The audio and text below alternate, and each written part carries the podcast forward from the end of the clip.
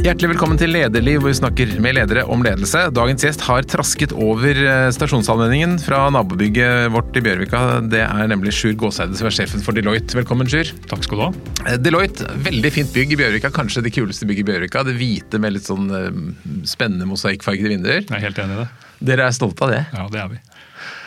Og mange forbinder kanskje Deloitte med revisjon og litt med advokat, men dere gjør ganske mye. Ja, vi er jo et, eh, det vi selv liker å kalle et, eh, et kunnskapshus som er veldig multidisiplinært. Altså mange ulike disipliner. Så, så veldig kort så kan du si at i dag så utgjør revisjonsvirksomheten vår i størrelsesorden 40% av det vi eh, gjør. Og så er da skatte- og advokatvirksomheten vår rundt 20 eh, og de siste 40 er ulike former for rådgivning. Eh, Altså management consulting, risikobasert rådgivning, finansiell rådgivning osv. Og til og med litt sånn markedsføring kommunikasjon. Og, og vi er toucher inne på det og litt på å kalle det design og konkurrere litt med på byråsiden og sånn, men, mm. men det er ingen stor del av virksomheten vår. Jeg leste at dere på et tidspunkt var 1500 ansatte og 22 kontorer. Stemmer det fortsatt? Ja, Det er i hvert fall relativt nær. De tallene beveger seg jo liksom nærmest fra dag til dag, så, men, men rundt 1500 mennesker. Og du har vært der siden 1988, så det må være en rimelig Du må trives, da? Ja, altså jeg pleier å si at Enten så er det jo det, at jeg trives og, og har vist at jeg passer inn, eller så har jeg ikke klart å få meg noen jobb. Så har jeg, får, vi, får folk selv bedømme hva de tror jeg er mest til. Og du jobber innenfor strategirådgivning? Ja, jeg har jobbet på rådgivningssiden og vokst opp der eh, gjennom alle disse årene. Eh, Jeg har jobbet en del med strategi, men også mye med virksomhetsstyring. Jeg har jobbet mye inn mot eh, det vi snakker om som CFO-agendaen, så jeg har hatt veldig mye rådgivning inn mot økonomisiden også, og, og sånn sett inn mot eh, økonomimiljøene og økonomilederne i både privat sektor, men også litt i offentlig sektor, faktisk. Hvem er den typiske Deloitte-kunden? Nei, vi, vi er jo ganske fokusert mot de større virksomhetene. Uh, slik at jeg tror den beste måten å, å, å snevre det inn på, er å snakke om størrelse. Altså Vi jobber primært med, med større virksomheter som har en, en kompleksitet og hvor utfordringene jeg, er sammensatte. Det er jo det som gjør at vi får brukt godfoten vår. Uh, slik at det er i de segmentene hvor vi definitivt uh, er mest. Og så leser man ofte om dere i forbindelse med granskinger og sånn i det offentlige. Er det offentlig en stor kundegruppe? Offentlig er en stor kundegruppe, da ikke så mye på revisjon, for det, det, det, det ordner de stort sett selv. Eh, Men innenfor rådgivningsvirksomheten vår så er offentlig sektor en, eh, en betydelig andel. Ikke, ikke så rart egentlig, når du ser på offentlig sektors størrelse i kall det norsk eh, liksom økonomi. Men Du har også vært konsulent siden eh, 1988 og leder en haug konsulenter. Hva kreves for å være en god konsulent? Det er jo en kombinasjon av Det er klart at konsulentbransjen, eller rådgivningsbransjen i Norge, har jo vært gjennom en ganske kraftig modningsprosess. eh, I hvert fall i løpet av disse 30 årene som jeg har holdt på.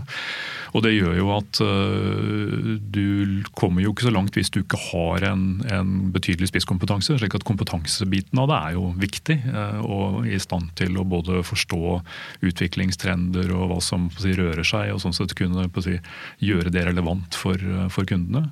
Eh, Men så er det jo også superviktig at du kan kombinere det med en god evne til å jobbe godt sammen med mennesker. eh, Lytte, være empatisk, tror jeg er ganske viktig. Eh, Fordi at i hvert fall vi sier at eh, rådgivning dreier seg jo ikke om å gi de beste rådene. Det dreier seg om å få kundene til å klare å gjennomføre noe på basis av de rådene. Og sånn sett også for vår del å kunne bistå i det å skape faktisk endring. Eh, Og da, da, da hjelper det ikke hvor analytisk og skarpt du er, hvis du ikke har evnen til å jobbe sammen med kundene dine om å få det til. Men dere og de andre mm, tilsvarende selskapene er kjent for å rekruttere mye nyutdannede. Er det også litt uh, av filosofien å ta inn veldig mange unge? Ja, det er det. Det betyr ikke at det er det eneste vi gjør, men både på revisjonsvirksomheten vår og på rådgivningsvirksomheten så, så tar vi inn mange her. For et par uker siden så ønsket jeg ca. 140 tror jeg det var, eh, nyutdannede velkommen. Eh, Og, det er en kjempeviktig del av, av rekrutteringspolicyen vår. Og så rekrutterer vi også i kombinasjon med det på å si, erfarne på egentlig alle nivåer. Eh, Så, så det er en god blanding. Hva slags utdanning er det da de unge kommer fra? Nei, Det er også et veldig godt spørsmål. fordi at Tradisjonelt så har vi jo vært veldig sånn økonomiorientert. og liksom BI og NHH har liksom vært eh, der vi har hentet flest. Eh, Og i løpet av de siste årene så har jo det bildet endret seg, slik at vi er mye mye bredere. Både da i, i fagprofil, altså vi har mange flere teknologer. Vi er veldig glad i de som kommer ut med en sånn induc-grad. Mm. Men vi henter også si, fra, fra, data, vi henter fra si, humaniora egentlig veldig bredt. Og vi er opptatt av å hente fra mange forskjellige læresteder. Og, og da, nå er vi liksom litt inne på mangfoldstemaet også, hvor, hvor vi ser viktigheten at vi får inn en bredde i kalde tankesett og kultur osv. Hvem er den typiske gjennomsnitts-deloiteren? Går det an å si det? Nei, Det vet jeg ikke om det er mulig å definere. Men det er klart at uh, vi, vi, er jo en, en klassisk kunnskapsbedrift. Uh, så det er jo høyt utdannede uh, mennesker, alle som en. Det er det ikke noe tvil om. og vi, vi, er jo heldige på den måten at vi har et attraktivt brand som gjør at vi rekrutterer godt og tiltrekker oss flinke medarbeidere. Men vi er jo veldig opptatt av at vi ikke skal bli et sånt rent flinkismiljø. men som jeg sa i sted, at vi, at vi, finner mennesker som har den kombinasjonen av et, et rimelig fornuftig hode, men, men en, en, en, evne til å jobbe pragmatisk og godt sammen med mennesker. Jeg tror liksom, Det er i det krysningspunktet. Men Du har også holdt på med det i over 30 år. Hva er de største forandringene som har skjedd underveis? På, for oss som firma, tenker du på? Mm. Nei, som sagt, altså Jeg opplever at de, de bransjene vi er i, både rådgivning og, og, revisjon og advokatvirksomhet, har jo utviklet seg mye. Jeg oppfatter jo at de kravene som stilles til oss fra kundene våre er mye mye uh, barskere i dag, heldigvis. Uh, og, og, kundene har blitt utrolig mye mer modne i sitt kjøp av uh, disse tjenestene. Uh, og så tror jeg det er en bedre forståelse av hva vi kan bidra med. Uh, slik at uh, vi, vi, sånn sett har bedre dialoger med kundene våre om hvordan vi kan skape verdi på en god måte, og hvordan de ønsker at de skal håndtere tingene selv. Og sånn sett da også hva vi ikke skal gjøre. Det syns jeg også er en ganske mm. viktig del av vår evne til å skape verdi. Det er å, å forstå hvordan man skal bruke oss, og ikke minst hvordan man ikke skal bruke oss. Du har også jobbet en periode i USA. Hva er de største forskjellene på næringslivet eller kundemassen i USA og Norge? Ja, nå er dette ganske mange år siden. Um, men, men uh, det, som slo meg den gangen, var vel å komme til uh, et uh, amerikansk næringsliv som er en merkelig greie, syns jeg. fordi at på mange områder så følte jeg at de lå bak oss. Eh, på mange av de tingene som kanskje kjennetegner liksom den skandinaviske modellen. altså en Kort vei fra ledere og ut i organisasjonen. Eh, mye på å si, uformelle strukturer som funker bra. Det er liksom sånn som vi er vant til å ha det. Mens du jo, jeg møtte jo et liksom, mye mer hierarkisk samfunn og, og mye mer sånn de, de, de, klassiske tabloide forestillingene om at det gjaldt å jobbe mye og lenge. Uh, og, men, men, samtidig som det ligger bak oss på en del ting, så er det jo en sånn skaperkraft og en innovasjonsevne som du bare må bli imponert av. Uh, så, så, så, For meg den gangen så var dette en fantastisk læring. og Det var jo på et tidspunkt hvor uh, riktig å si at, uh, at, både Deloitte og rådgivningsbransjen totalt sett i Norge var litt i startgropa. Mm. Og, og, da å få flytte over til et, et modent marked lærte jeg masse på veldig kort tid. Og så I 2019 så ble du sjef, da ble du valgt blant de andre partnerne. Hva var det som gjorde at du stilte opp til valg og tenkte at nå skulle du bli leder?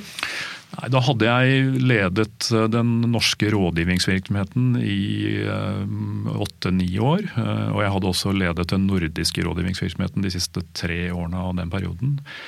Um, og jeg har jo sittet da i den norske liksom, ledergruppa i det norske firmaet også i, i, i mange år. Um, og jeg ble eh, egentlig spurt om jeg var interessert eh, i å ta den rollen da når min forgjenger Åse Lundgaard skulle gå av. Det var, vi har åremål. Det er åremål, Hun hadde to ganger fire år. Ja, to ganger fire år, Så det var veldig sånn definert og visste at den kom.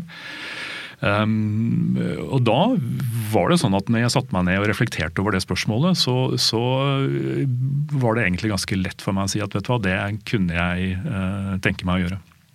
Hvorfor det? Hva var det du ville? Nei, jeg tror det er en kombinasjon av flere ting. Altså jeg, jeg, øh, selv om jeg aldri har øh, søkt uh, lederroller, så har jeg jo endt opp i dem. Slik at det er nok noe ved min Kall det både si, hvordan jeg fungerer som, som person, og, og, og, litt hva som interesserer meg, som gjør at jeg syns at det er spennende. Uh, og så har jeg jo vært i virksomheten vår lenge, slik at jeg følte at jeg hadde et godt grep om både hvor vi sto, men også hvor jeg mente at det var viktig at vi, vi bevegde oss. Um, så, så, så, sånn sett så, så, var det ikke så vanskelig for meg å finne både si, en ambisjon og en motivasjon for å, for å, skulle gå løs på det. Og så var det gjennom en prosess da, som du sier, med et, et partnerskap på borti 150 partnere som jo skulle bestemme dette. slik at Om det ikke var noen valgkamp, så, var det jo en prosess som man skulle gjennom i forhold til å få den tilliten. Men er det litt valgkamp? Nei, det, det, det, kunne nok vært veldig mye mer valgkamp. Jeg, jeg endte vel opp ganske raskt som den, den, den, mest aktuelle kandidaten. Så det var mest å skape en trygghet i alle kriker og kroker i firmaet vårt over at, at jeg eh, forsto helheten og kunne være samlende og en som man sluttet opp om. Men Tror du det er noe annerledes det å være valgt blant sine likemenn enn det å bli bare ansatt av et styre som ledere vanligvis blir? Ja, det tror jeg faktisk. Eh, på en måte syns jeg det er en kjempefin eh, startpunkt når du først er der og har fått den tilliten. Men, men, men, det er klart at det er jo 150 av mine kolleger som mener at de å si, kan ha veldig tydelige forventninger. De er jo eiere også, ikke sant? slik at de sitter jo både som kalde ledere, men, men også sitter over meg som, som eiere. Og, den dualiteten gjør jo at man må tenke ganske nøye gjennom eh, ikke bare sånn tradisjonelt hvordan man leder, men også hvordan man kommuniserer til de som har en, en konkret stake inn i virksomheten. Eh, men jeg tror når, får, når, vi får det til på en rimelig god måte, så, så, tror jeg det er definitivt er med på å skape en ganske sterk kultur. Og, og, og også skape en endringsforståelse da, som man jo vil ha behov for når man eh, skal gjøre ting som leder. Mm. Og Det at du maks da kan sitte to ganger fire år, er det en bra ting? Ja, det tror jeg. Eh, og vi har, eh, Nå er det riktignok bare i CEO-rollen hvor vi har det kallet formalisert, men, men, vi appliserer det også nå på, på, de andre lederrollene. Og jeg har vært veldig opptatt av å, å sikre at vi jeg, har en enda større eh, synlighet rundt de prinsippene. Vi, vi er jo alle sammen profesjonsutøvere, og, og det er viktig at lederne våre ikke slipper helt tak i profesjonsutøvelsen. Eh, og, og, og, sånn sett så har det vært viktig for oss å si at disse lederrollene de har vi til låns. og Vi skal inn i dem, og så skal man gjøre det en periode. Og så skal det være naturlig å også kunne gå ut av dem. Mm. Uten at det oppfattes som man, uh, si en, en, en, degradering, eller, eller, at man liksom uh, skal gjøre noe som er mindre interessant. Ja, For det er litt uvanlig. Ofte så blir det oppfattet som negativt å, å, å rykke ned. Ja. Nei, og det, og det, er en krevende overgang. Um, så, så uh, heldigvis så begynner vi å bli et såpass stort system at det er jo mange kalde dimensjoner i virksomheten vår. slik at det er jo uh, Vi har jo flere og flere roller hvor vi trenger erfarne ledere. Um, så noe av det som jeg er opptatt av, og som er en viktig del av min jobb, er jo i det suksesjonsspillet. Og, og, ikke bare tenke på hvem som skal inn, men også tenke på hvordan vi kan gjøre bruk av de som går ut av én viktig rolle, og finne andre muligheter for at de kan være med å fortsette å skape verdi, og fortsette å være motivert, ikke minst. Men Du har da øh, vært innom litt forskjellig lederansvar før du nå har blitt uh, sjefen av alle sjefene. Har du utviklet en form for lederfilosofi underveis? Ja, man har vel det. Jeg har vel aldri vært veldig opptatt av liksom, å spikre den opp på veggen. Eh, men, men, eh, men ja, jeg, jeg, oppfatter jo, og jeg har jo hatt tid til å liksom reflektere litt over hvordan jeg agerer, og jeg har fått feedback på hvordan jeg agerer også. Eh, jeg tenker jo at du kan ikke være leder, tror jeg, uten at du har et bevisst forhold til strategi og strategisk retning. Um, og, jeg, og jeg hadde ikke gått inn i noen av disse rollene hvis ikke jeg hadde en formening om hva jeg syntes var uh, Kall det de riktige prioriteringene å, å, ta, og kunne sånn sett meislutte ut en kurs som gjorde at det også skapte litt endring i det. Så det mener jeg er helt, eh, helt åpenbart. Og så tror jeg nok at jeg har funnet ut at min stil er ganske sånn prosessorientert og ganske involverende. og Det er nok litt sånn en refleksjon av den kulturen som jeg da har vokst opp i. ikke sant? I et partnerskap og hvor du, liksom, du, du er vant til at det er mange som, uh, som, som vil ha en, en say. Um, så, så, det er nok noe som kjennetegner meg. Og så har jo noe av det jeg har jobbet med de siste årene, er å finne riktig balanse mellom uh, liksom, hva er et riktig nivå på den involveringen og den, de prosessene man skal kjøre. Ja, For det kan bli for mye? Også. Det kan bli for mye. og Jeg har fått eh, beskjed noen ganger om når det har blitt for mye. Så det, det er også en viktig læring. Hva blir konsekvensen av å involvere for mye? Nei, altså jeg, jeg, tror i hvert fall konsekvensen av at hvis prosessene får gå for langt, så, så kan man uh, både ende opp med at du ikke egentlig får gjort noen ting, og så kan du risikere tror jeg, å miste litt grep om prosessen. Mm. Uh, og så skal man jo passe på, igjen da vi er ledere som alle er profesjonsutøvere, og dermed også alle har dårlig tid. Slik at eh, det kan også skape mye frustrasjon hvis, hvis det er mange som opplever at man blir liksom dratt inn i noen prosesser som tar mye tid. Mm. Så, så det, det står jo da på websiden at du har en veldig dyp forståelse for hvordan man skal utvikle strategier som kan bli suksessfullt eh, implementert, og hvordan man kan gjennomføre suksessfulle eh, transformasjoner. Jeg prøver å oversette fra engelsk her med omstillinger, da. Ja. Fortell litt om akkurat det. Hva, hva, for dere nå, da, hva er strategien deres, hvordan er den utviklet? Altså, vi, vi, er jo en, i et system hvor vi er jo en del av et globalt firma. Uh, og, Deloitte uh, har også globalt vært gjennom en prosess de siste fem-åtte årene hvor vi har det integrert oss mye tettere sammen. Uh, slik at I gamle dager så var jo dette strukturer som var veldig sånn hvert land sitt partnerskap. Og så var man medlem i ja, litt sånn avansert franchise, hvis jeg skal tørre å være såpass tabloid. Um, nå er vi mye mer integrert, um, og vi er nå en del av et medlemsfirma som består av uh, ja, omtrent halve Europa. Um, og Det gjør at vi er altså mye tettere når det gjelder strategi. altså Ikke bare kalle policies og retningslinjer og compliance og alle de tingene, mm. men også på strategi. Uh, slik at sånn sett så lager jo ikke vi vår strategi i isolasjon, men, men vi, vi, er en del av en, en, strategisk retning. Og så er det å si hvordan, hvordan gjør vi det i Norge og i Norden, og, og, og hva er de tingene som vi må prioritere. Uh, og, og, eh, Det er ikke så veldig mye hokus pokus, men det er klart at vi, vi uh, har en veldig tydelig markedsstrategi. Både som da er knyttet til hvilke segmenter vi skal være i, og, og hvilken posisjon vi skal ta i det.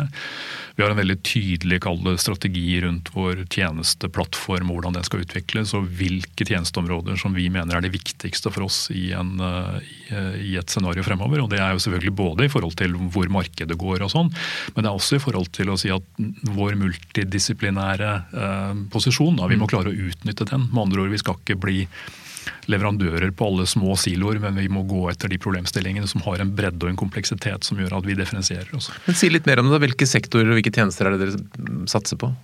Nei, det er klart at Hvis du ser på rådgivningssiden, så, så har rådgivningsvirksomheten vår, vår, flyttet seg i retning av mye mer fokus på teknologi og digitalisering. altså Rimelig åpenbart, mm. egentlig.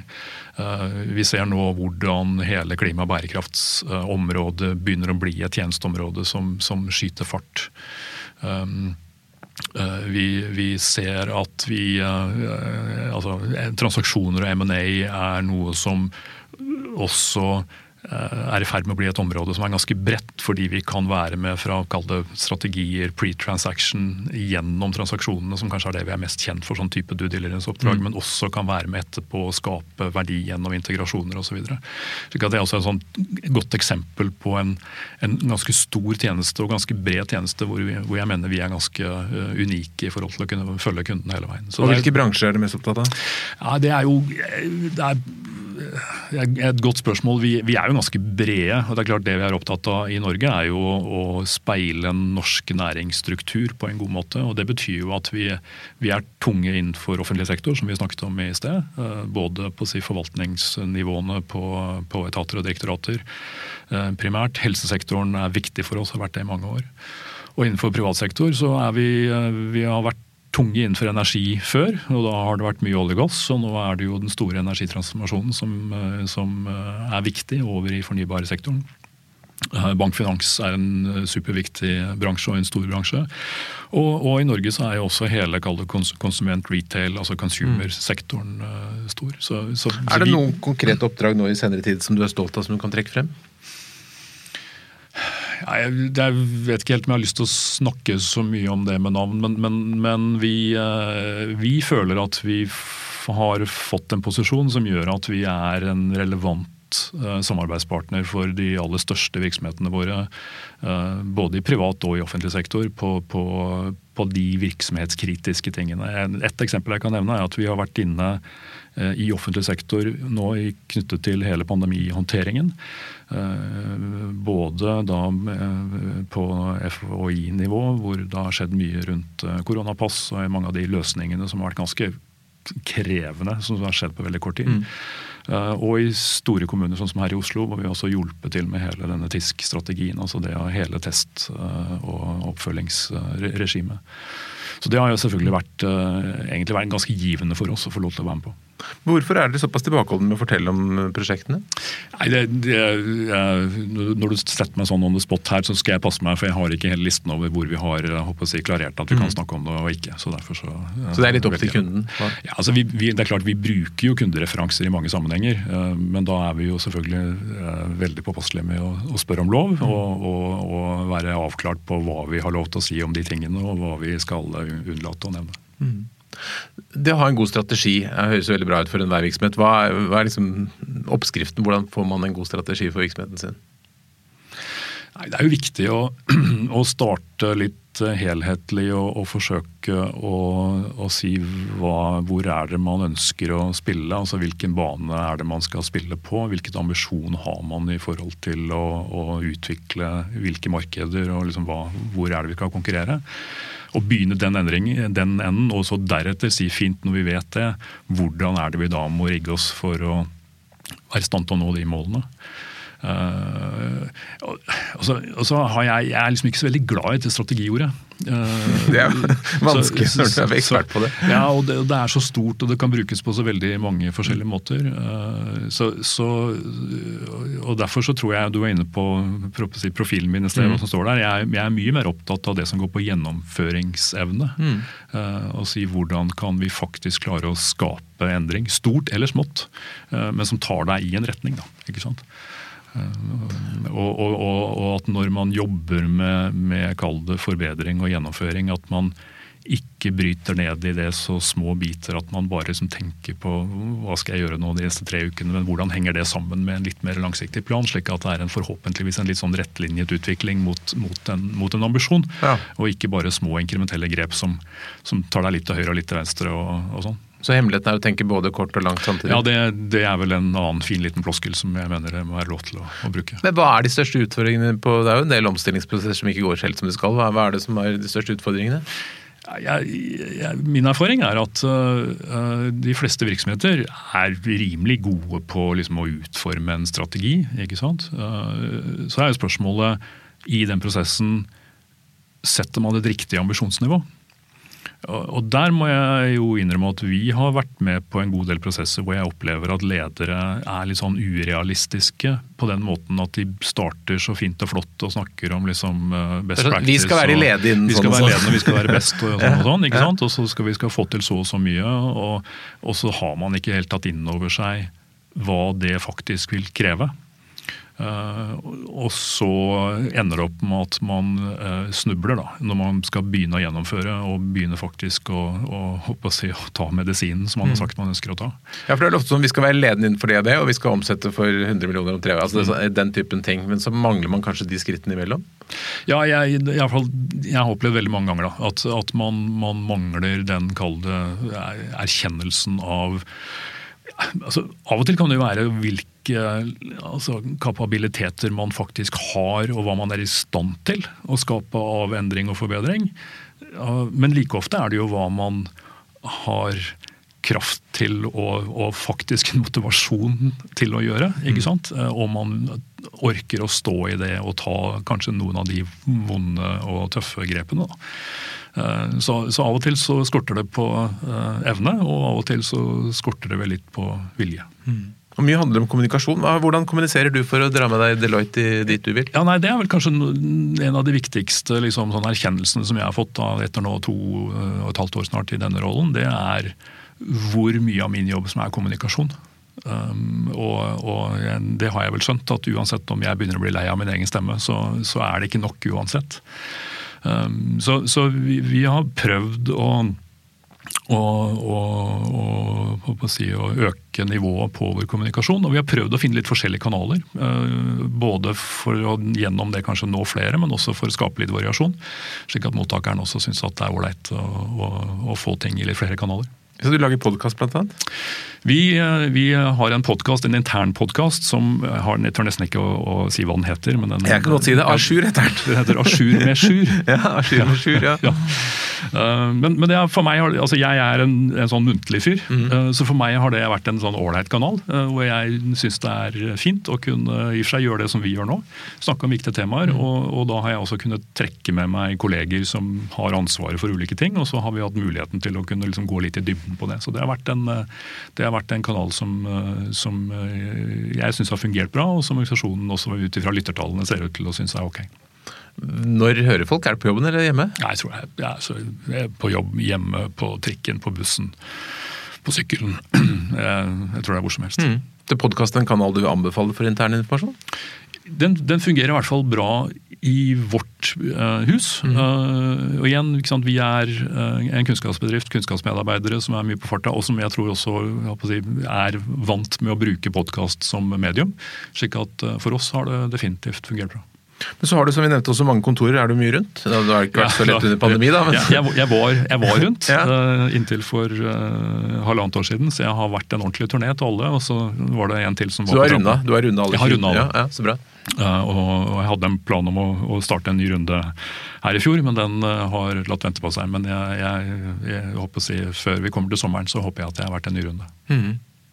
Men du beskriver jo en, en, hverdag som mange ledere kjenner seg. Man har en strategi, og så skal man prøve å, få det til å skje. og Så prøver man litt tiltak. Men hva, hva annet enn podkast vil du anbefale som, som gode grep? Sånn kommunikasjonsmessig? Ja, eller generelt, ja. Nei, jeg, jeg, jeg tror jo eh, det å, å, få til fysiske møter og det å synes er jo viktig. Mm. Og det er litt vanskelig hos oss, fordi at vi er jo stort sett på farten alle sammen. ikke sant? Så du vet jo aldri hvor kollegen din befinner seg. Um, men, men, men like fullt, da, så, så, har jeg pleid å, å, trenge meg på i sånn ulike avdelingssettinger når man samler alle. Uh, og Det gjør man jo en sjelden gang, så, mm. så, så jeg prøver å gjøre det.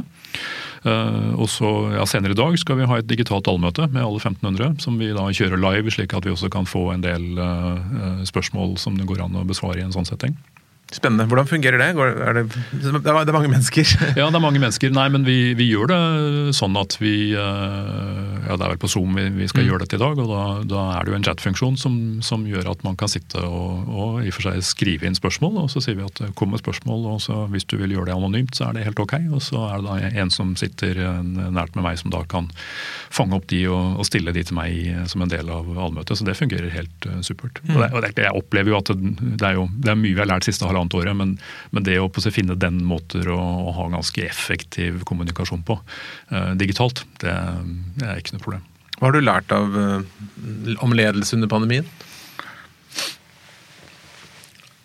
Nei, jeg, jeg, jeg, skrev en del rundt dette sånn i fjor sommer etter de første månedene, som var ganske Det var ganske friskt, det må jeg innrømme. Det er vel det barskeste jeg kan huske å ha vært med på. Eh, jeg, jeg, lærte jo viktigheten av å tørre å ta beslutninger på et ganske tynt grunnlag.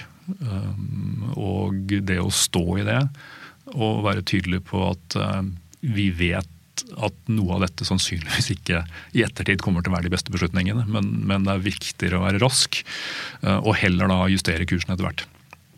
Så da ble det litt mer autoritær og litt mindre inkluderende? Ja, i hvert fall prosesser som ble kortere. Det mm. var det ikke noe tvil om at eh, noen av dem var ordentlig korte. Um, så det lærte jeg. Uh, så lærte jeg også at det er jo helt fascinerende hva en organisasjon klarer av omstilling på altså på et døgn.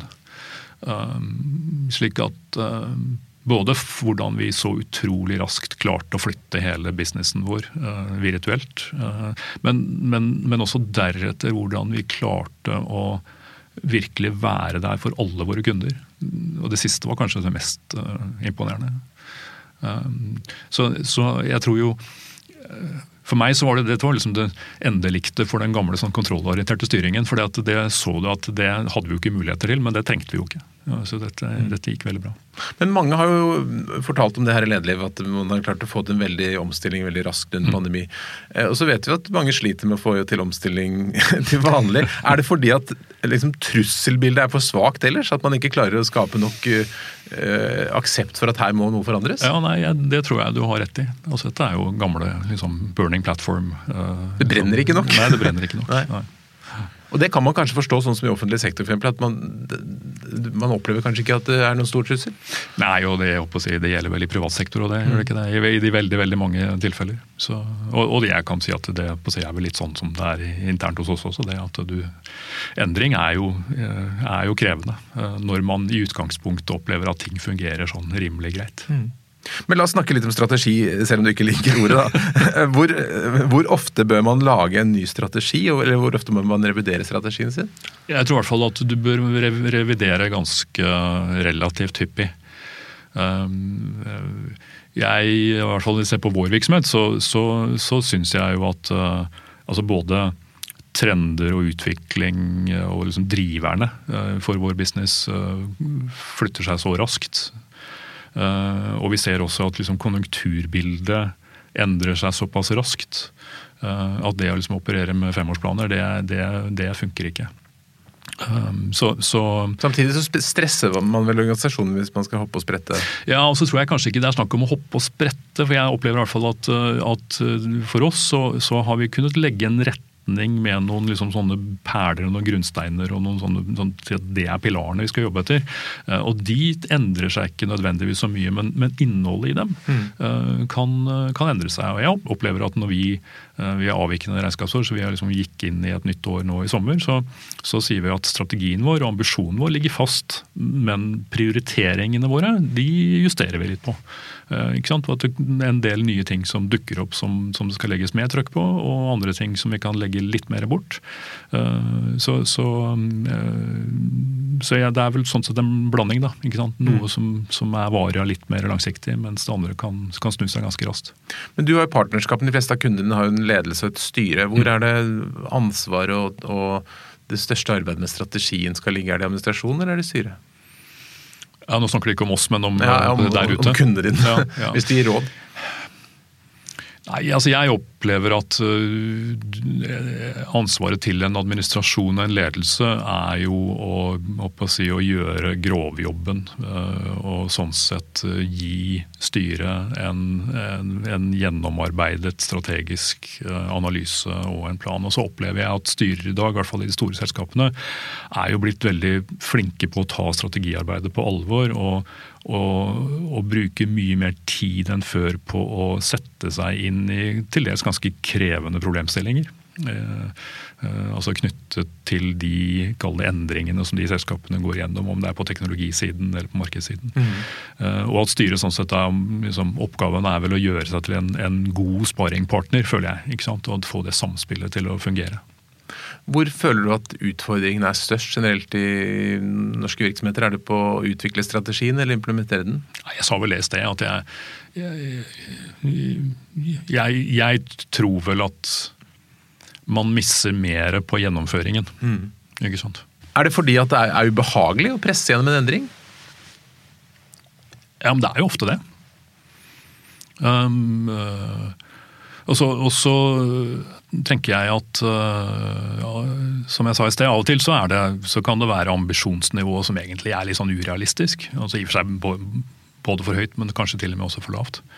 Uh, men, men, men, det er jo ubehagelig, for det innebærer jo, hvis det er en god strategi, så innebærer det at man må ta at det er noen valg. Ikke sant? Og ikke bare å velge å gjøre noe, men det er noen andre ting som man skal velge å ikke gjøre. Ikke sant? Ofte så kan jo det å klare å velge bort noe mm. kan være vel så vanskelig. Absolutt. Fordi du rører borti noen eh, ja, småkongedømmer eller gamle ting som vi alltid har holdt på med. Eller, ja. Deloitte er jo da, som i og for seg vi, vi i Japan også, en del av konsulentbransjen. Så konsulenter er sjelden en virksomhet som hylles i, i nyttårstalen. det er til dels litt sånn negativitet at nå må eh, offentlig virksomhet slutte å kaste bort penger på konsulenter osv. Hva føler du rundt den diskusjonen? Nei, Dette har jeg engasjert meg ganske mye i. Um, øh, og nå, Vi kan vel si at vi sitter jo og spiller inn dette på valgdagen, faktisk. Mm. Um, og vi er jo litt, øh, litt bekymret over at øh, en del politiske miljøer, i våre øyne, da, blir veldig litt sånn populistiske på dette. Uh, og vi har brukt ganske mye energi, og, faktisk vår bransje bruker ganske mye energi for å forsøke å få en dialog med, med også politiske miljøer for å, for å, bygge en forståelse av, dette. Så kan man jo etterpå få lov til å, å si, mene det man vil, men, i hvert fall uh, vi trenger synes jeg, en grundigere debatt hvor man faktisk setter seg inn i dette. Men det er jo et stort paradoks, for det, det, kjøpes jo tjenester en masse, og samtidig så snakkes det såpass negativt eh, rundt det som kjøpes. Hva tror du skyldes? Nei, altså det er, jo, det er jo en veldig sånn enkel uh, Det er jo en enkel polemikk rundt dette, dessverre. Uh, men, men, men, det vi er opptatt av, da For det første så er jeg opptatt av å si at hvis du ser alt som kjøpes av tjenester stort og smått, så er jeg helt enig i at det er sannsynligvis en god del av det som aldri skulle vært kjøpt. Og jeg er helt enig i at det er altfor mange eh, også i offentlige virksomheter, som man leier inn enkelthoder til å gjøre jobb som man kanskje burde anstrengt seg mye mer for å ansette noen til å gjøre.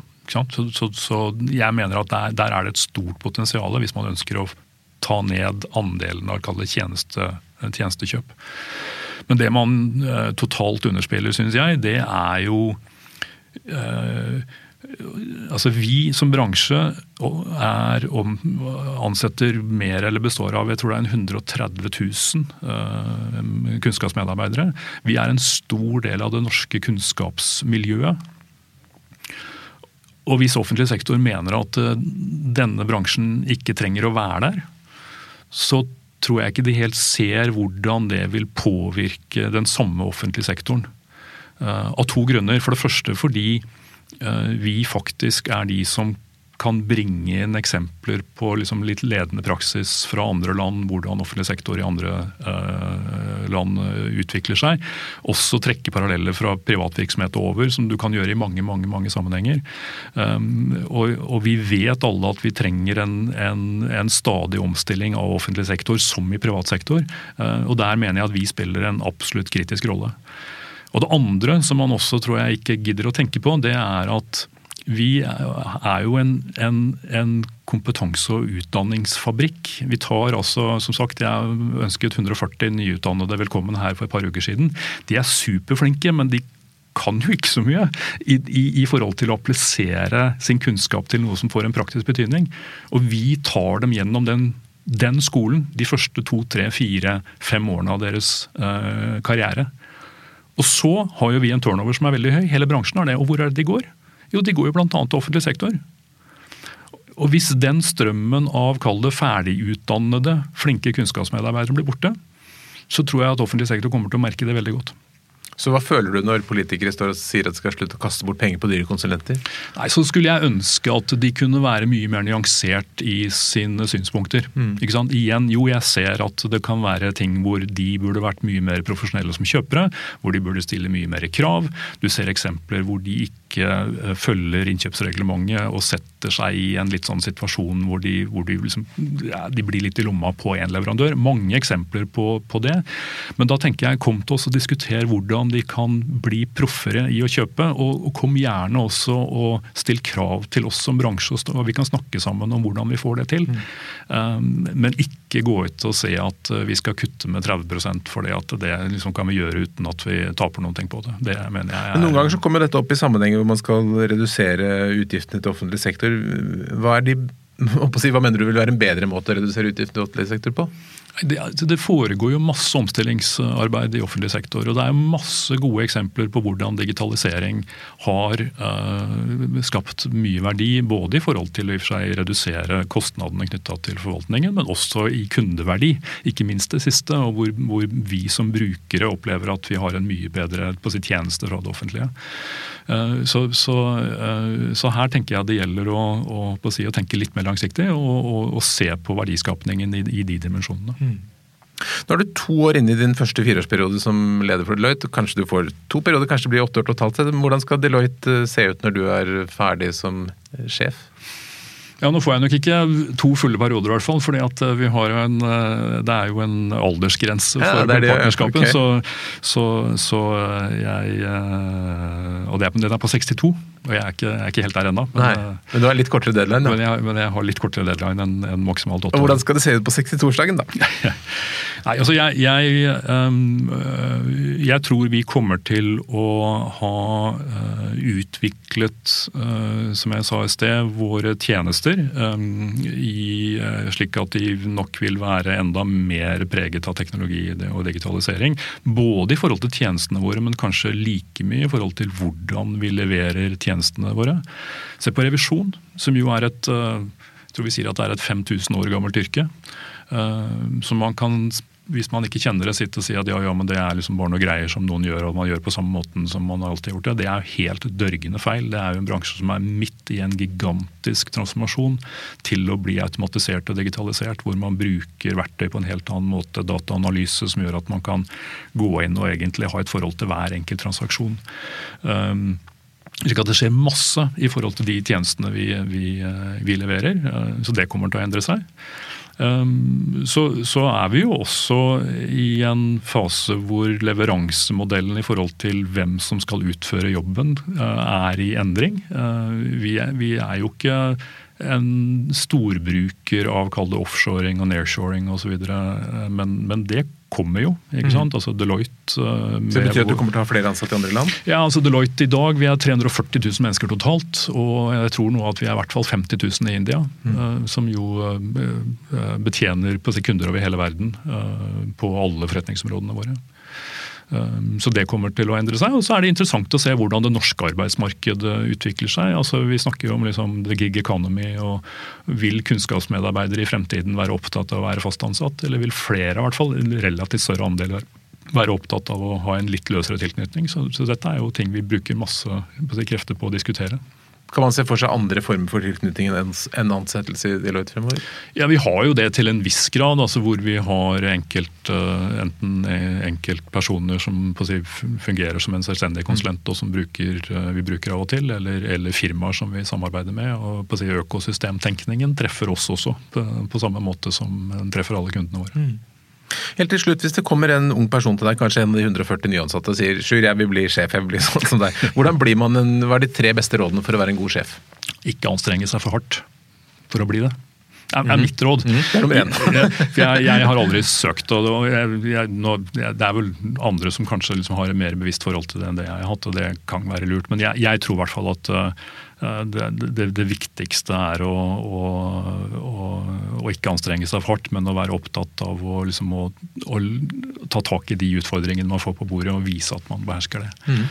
Uh, så tror jeg at jeg tror det er kjempeviktig at man utviser en nysgjerrighet. Eh, fordi at eh, det å, å, ha nysgjerrighet nok til å forsøke å forstå si, mer av omgivelsene. Eh, og forsøke å forstå liksom, sammenhengene og, og, og, det å gå den lille liksom, ekstra distansen for å, for å, sette seg inn i ting fra litt forskjellige vinkler, tror jeg er superviktig. For det er klart at Skal man være leder, så må man liksom kunne ha et helhetsblikk på, på ting. Mm. Um, og så ett råd til. og så ett råd til. Nei, og det er klart, jeg, jeg, tror ikke man skal anstrenge seg, men samtidig så tror jeg det er viktig at man griper de mulighetene som kommer. Og vi sier internt hos oss at det er jo um, altså Grip alle muligheter, for det er faktisk noe å lære i Uansett hva du blir bedt om å gjøre, eller uansett hvilke ting som ligger på bordet, så kan du lære noe ut av det. Eh, så, så, for meg er det liksom så enkelt. Og så mm. får si, lederoppgavene de, de, kommer litt av seg sjæl, tror jeg, hvis du, liksom, eh, hvis du lykkes med de, de, mer basale tingene. Fin avslutning. Tusen takk for at du kom til Lederliv, Sjur Gåseide. Takk skal du ha. Lederliv er en podkast fra Apeland. Vi legger ut nye episoder hver fredag, og du kan trykke abonner, så får du et varsel. Redaksjonen består av Ellen Paulsen, Lars Jarle Melum, Lars Bolden og meg, som heter Ole Kristian Apeland. Vi er veldig mottagelige for ros og ris på e-post til meg, ole at apeland.no. Eller du kan gi oss en stjerne der hvor du hører podkasten. Takk for at du lytter.